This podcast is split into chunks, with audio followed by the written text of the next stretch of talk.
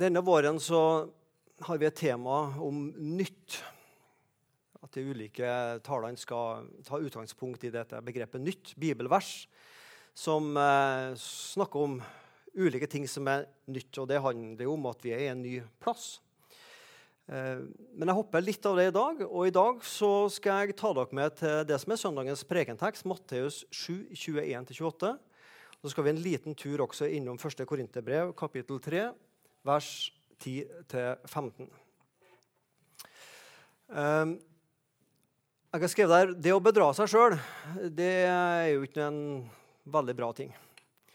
Men å ha skikkelig fundament og grunnvoll i livet, det er viktig å ha. Hvem er det som kommer til himmelen? Og hva er det som vil avgjøre vår evige skjebne? Når det gjelder det med himmelen og evigheten, så tror jeg nok folk tenker litt forskjellig hva som skal til for å komme dit. Hvis du går på gata og spør en tilfeldig utvalgt gruppe, så vil nok mange si at de snille kommer til himmelen. De slemme kommer ikke til himmelen. Eh, sannheten er at det kommer ingen snille til himmelen. Det kommer bare slemme til himmelen. Det er bare syndere som er frelst, som kommer til himmelen. Det er de gode nyhetene. Så Syns du at du er snill, så beklager, du kommer ikke til himmelen. Hvis du syns at du er ikke slem sånn, men at du ser at eh, du har behov for det dårlige livet, så er det gode nyheter. Da er sjansen stor for at vi kan få komme til himmelen. Gode gjerninger det er jo gode greier. Selvfølgelig. Det var jo dumt hvis jeg skulle bare gå rundt og være mest mulig synder for å liksom et eller annet fortjene nåden mer. Det er godt å gjøre gode gjerninger.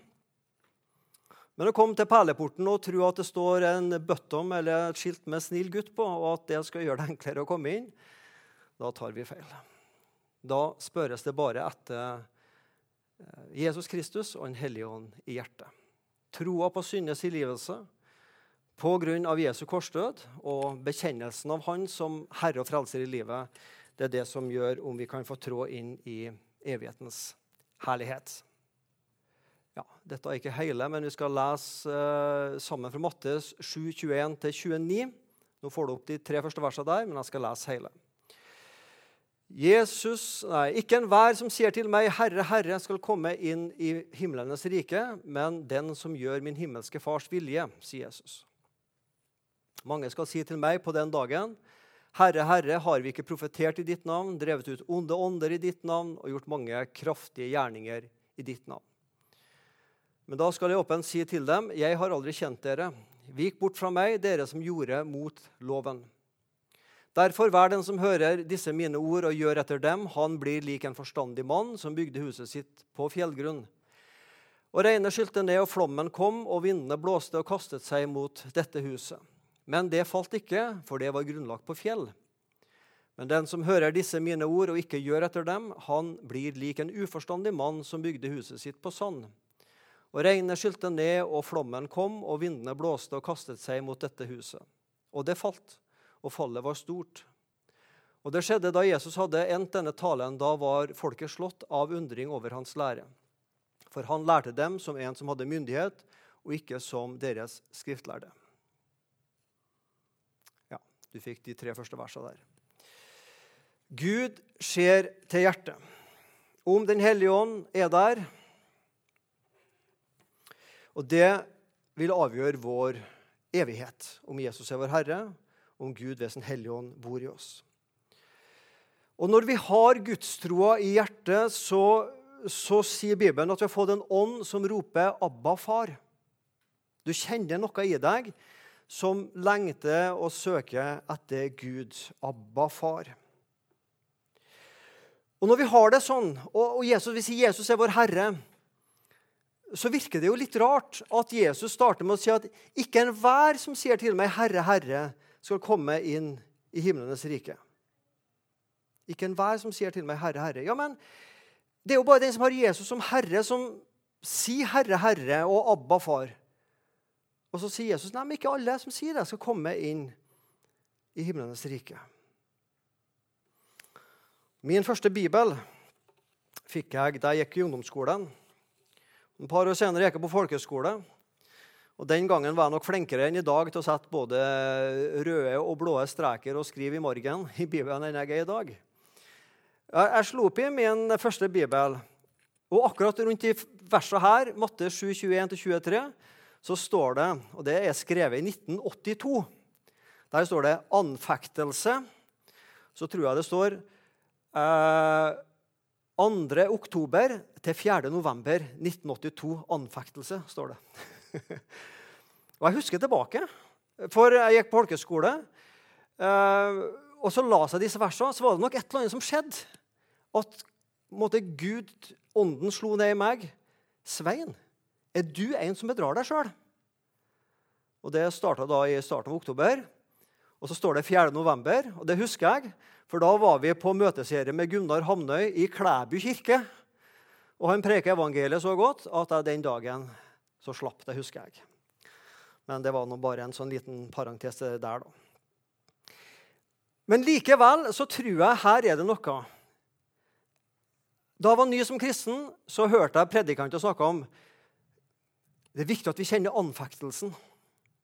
Og Jeg husker jeg, jeg gikk i mange måneder sikkert et år og lurte på hva er det jeg, hva er det jeg mangler. Anfektelse. Jeg skjønte ikke hva det var, for jeg var ikke vokst opp i bedehus og kirke. så jeg hadde aldri hørt det ordet. Men jeg fikk sannelig oppleve det etter hvert. Det er når Gud prøver troa vår og setter søkelyset mot oss. Lever jeg virkelig med Gud? Kan det tenkes at jeg er blant dem som møter et stoppskilt når jeg kommer til perleporten? Vel, vi er frelst av bare nåde. Gode gjerninger det vil ikke hjelpe oss. Eget åndelig strev det legger ikke noe til.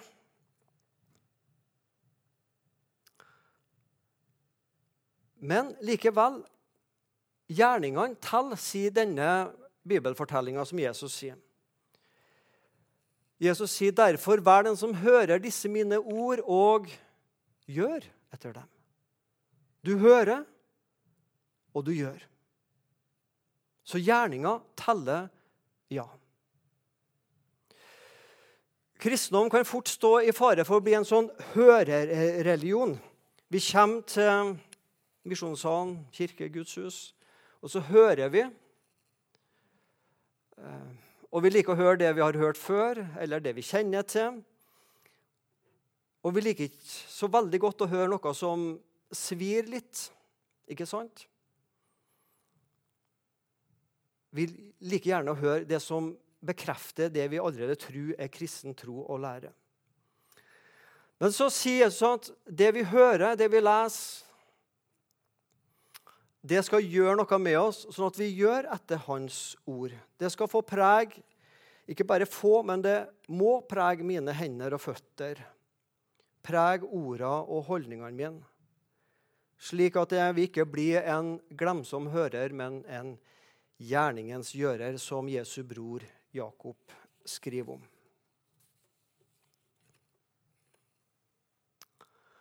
Men den som hører disse mine ord og ikke gjør etter dem, han blir lik en uforstandig mann som bygde huset sitt på sand. Bildet der det er fra Borestranda. det kan jeg godt si. Der sto det et sånt hus.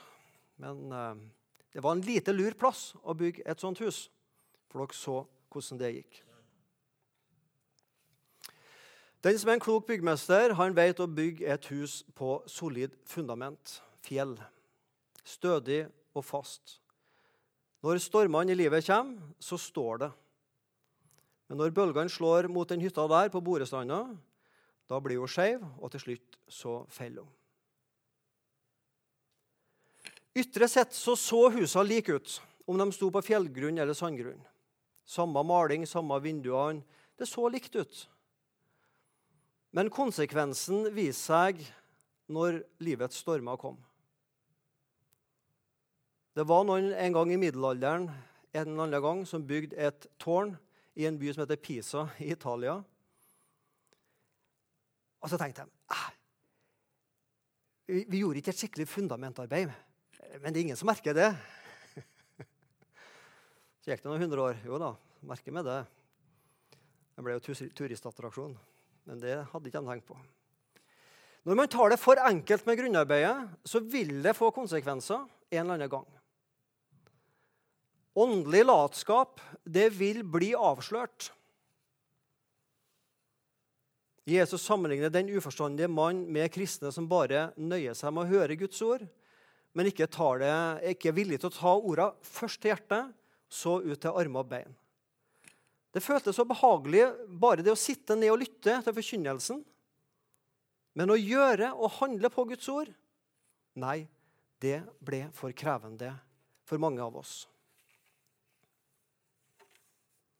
Det handler om å ha en skikkelig solid grunnvoll. Og Nå hopper jeg til det som er en av lesetekstene, som det heter, for denne søndagen. Og Det er i 1. Korinterbrev, kapittel 3, vers 10-15. For der skriver Paulus om denne grunnvollen. Etter den Guds nåde som er gitt meg, har jeg lagt grunnvoll som en vis byggmester. En annen bygger videre på den, men enhver må se til hvordan han bygger videre. For ingen kan legge en annen grunnvoll enn den som er lagt, og det er Jesus Kristus. Men om noen på denne grunnvoll bygger med gull, sølv, kostbare stener, eller med høy, tre, strå, halm, da skal det verk som han har utført, bli åpenbart. Dagen skal vise det, for det skal åpenbares med ild. Hvordan det verk er som enhver enkelt har utført, det skal ilden prøve. Om det byggverk han har reist, blir stående, da skal han få sin lønn. Brenner hans verk opp, da skal han miste lønnen, men selv skal han bli frelst, men da som gjennom ild.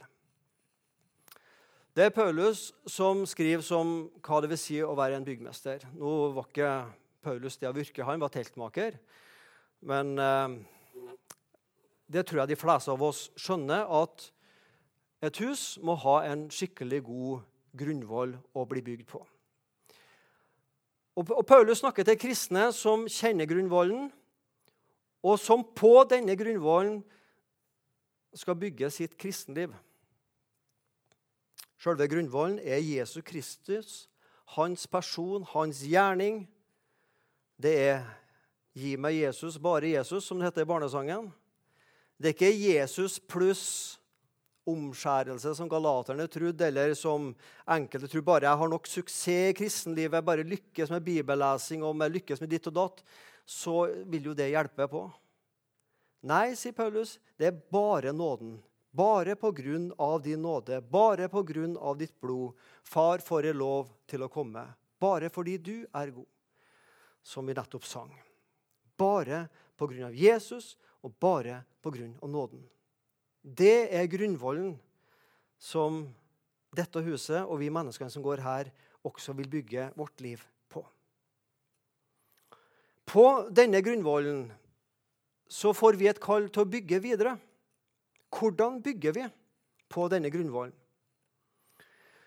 Og Da sier Paulus om noen på denne grunnvoll bygger med gull, sølv, kostbare edelstener, eller med høy, tre eller strå halm, så skal det vises.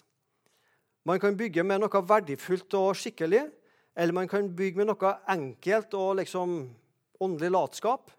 Og så vil det en dag bli åpenbart om huset er bygd på sand eller fast grunn, eller om det er bygd med verdifullt materiale, eller bare gjort sånn lettvint. Tre, høy og strå. Ja, det fins plasser i verden der man bygger hus sånn. Eh, og det står, fordi man har ikke annet byggemateriale. Men det er jo lettere å kanskje tenke på denne historien om uh, ulven og de tre grisene. Den har du sikkert lest enten når du var barn, eller du det for dine barn og barnebarn. Og ulven til slutt bare blæs på, puster på de husene med strå. Og grisen som var der, han gikk ikke så bra med. Hva bygger vi med? Gull, sølv, kostbare stener. Jeg tror det er et bilde som Paulus bruker for Guds nåde. Ikke bare bygger vi på Guds nåde våre liv, men vi bygger også med Guds nåde når vi bygger våre liv. Det er jo ikke sånn at vi bygger på frelsa, og når jeg kommer dit, så begynner jeg å bygge mitt eget åndelige liv ut fra mine gjerninger. Nei, jeg bygger på nåden, og jeg bygger videre mitt kristenliv med nåden. Guds nåde. Å vokse som kristen det er å vokse i nåden. Nåde, det er når Gud gir meg det jeg trenger, og ikke det jeg fortjener. For hva er det jeg trenger? Jeg trenger tilgivelse for mine synder. Jeg trenger å bli Guds barn. Hva er det jeg fortjener? Jeg fortjener straff for mine synder og dårlige handlinger. Men nåden det er at Gud gir meg det jeg trenger, og ikke det jeg fortjener. Å leve i nåden det er at Gud fortsatt gir oss det vi trenger, og ikke det vi har gjort oss fortjent til. Eller det vi tror vi har gjort oss fortjent til. Evangeliet er de gode nyhetene om at Gud elsker oss og tilgir oss uavhengig av vår kristelighet og vår ærlighet, av vårt strev, av våre gode gjerninger, av våre gode prioriteringer, men elsker oss kun av Jesu offerdød for våre synder. Bare Jesus. Gi meg Jesus. Bare Jesus. Dette huset, vårt liv, er bygd på Guds nåde, og vi bygger videre på Guds nåde. Men så sier Paulus at det å bygge hus er også en byggeprosess. En kontinuerlig prosess. Enhver må se til hvordan han bygger videre på denne grunnvollen. Altså, det er jo ikke sånn at jeg ble frelst, og så kan jeg sette meg ned og tvinne tommeltotter og vente på at Jesus snart kommer igjen. Men jeg har et kall til å leve et liv med gode gjerninger og bygge vårt kristenliv ut fra Guds nåde en kontinuerlig prosess. Jeg var i et bryllup med til to personer. da, selvfølgelig, og ene skulle bli ingeniør, og den andre skulle bli arkitekt. Og eh, En av dem som holdt den vigselstalen, det var presten, han snakka om at ekteskapet det er som å bygge et hus. Det passer godt til en ingeniør og en arkitekt. Det å gifte seg, da får du et, får du et nytt hus. Så, som i, i billedmessig forstand. Da. En ny enhet, ikke sant? et nytt fellesskap. To stykker. Et nytt hus. Men dette huset må jo vedlikeholdes. Ekteskapet Mann og kvinne blir til ett, men ekteskapet må vedlikeholdes. Som et bilde på kristenlivet. Du og jeg vi blir forena med Kristus. Og det er en kontinuerlig prosess at også jeg må være med å vedlikeholde det fellesskapet vi har med Kristus. Frelsen er ingen prosess. Frelsen er en engangshandling fra Guds side når han tilgir oss pga. Jesu frelsesverk. Guds frelseshus det er bygd én gang for alle mennesker på korset og ved oppstandelser. Men å bygge mitt og ditt kristenliv videre det er en kontinuerlig prosess. Da kan vi velge enten altså å bygge med høy, hå, eh, høy, halm og strå og tre, altså dårlige byggematerialer, som det er et bilde på. Eller vi kan velge å bygge med gull, sølv, edelstener, med det verdifulle, det som holder. Eller vi kan velge å ikke bygge i hele tatt. Enhver må se til hvordan han bygger videre, sier Paulus. Altså, vi skal bygge videre, og ikke bare sette oss ned og vente på himmelen.